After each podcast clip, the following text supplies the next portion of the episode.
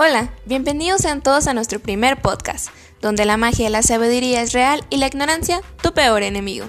Como dijo Thomas Sowell, se necesita un gran conocimiento solo para darse cuenta de la enormidad de la propia ignorancia.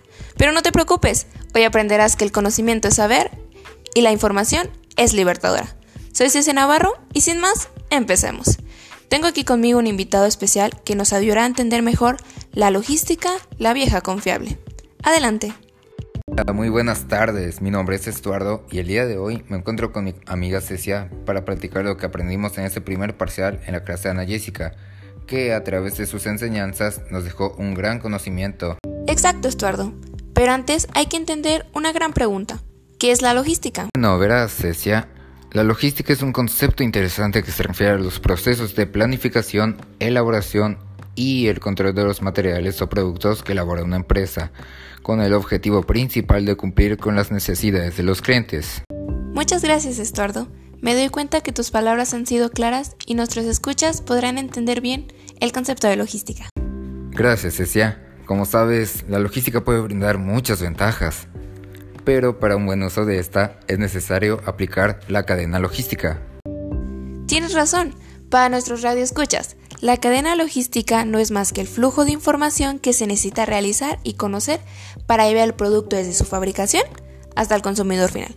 Pero ojo, a diferencia de la cadena de suministro que comprende todo el proceso, la cadena logística se centra en las actividades relacionadas con los movimientos y la custodia de la mercancía.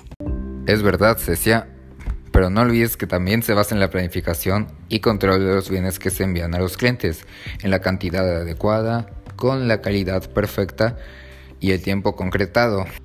Muy bien, Estuardo.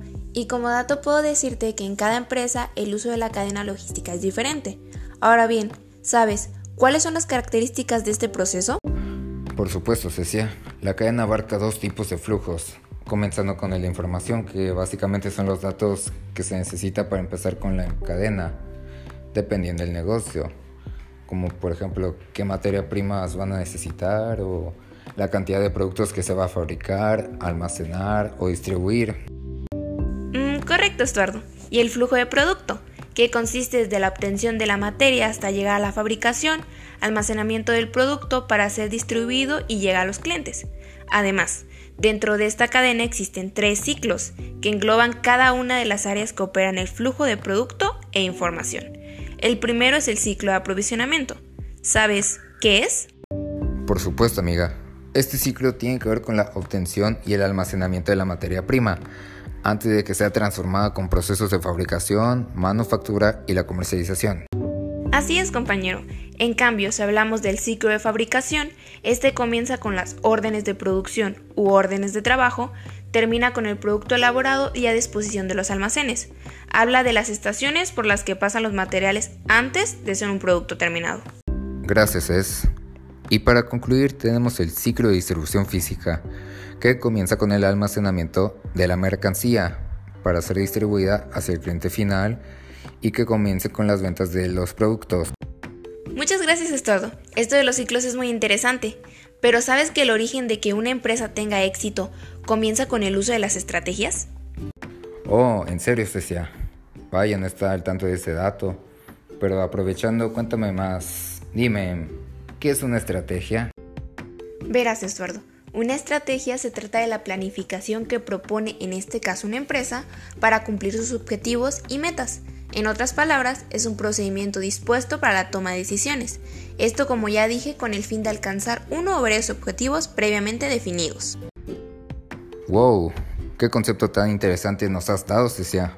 Entonces, gracias a la estrategia, una empresa planea qué hacer y cómo. Pero mi pregunta es, ¿hay ciertos puntos para elaborar todo esto? Claro que los hay, Estuardo. Son cuatro puntos que nos ayudan a tener éxito en nuestra estrategia. Primeramente están los objetivos sencillos, coherentes y a largo plazo. Esta trata de que la meta es un resultado deseado que una persona o un sistema imagina, planea y se propone a lograr y debe ser preciso. Mm, claro, ya entiendo, Cecia. Cuéntame más de estos cuatro puntos. Por supuesto, Estuardo, también está el conocimiento profundo del entorno competitivo, que como su nombre lo dice, se trata de usar el conocimiento que tienes en la empresa para facilitar el trabajo. Vaya, eso sí que es muy interesante, Cés. ¿Y qué me dices del tercer punto? ¿Es importante? Claro que lo es, Estuardo. El siguiente punto es valoración objetiva de los recursos. Esta trata de considerar la autocrítica para competir. Consiste en conocer nuestros puntos positivos y negativos para usarlos en nuestros objetivos. Y finalmente tenemos la implantación efectiva, en la que durante el uso de la estrategia de buena forma podemos ver nuestros resultados. Wow, gracias Cecia. Me parece demasiado interesante todo lo que las empresas hacen para cumplir sus metas y objetivos.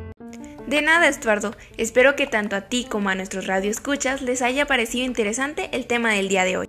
Ja, y que lo digas. Ha sido estupendo, Cecia. Bueno, y eso ha sido todo por hoy. Nos vemos en un próximo podcast.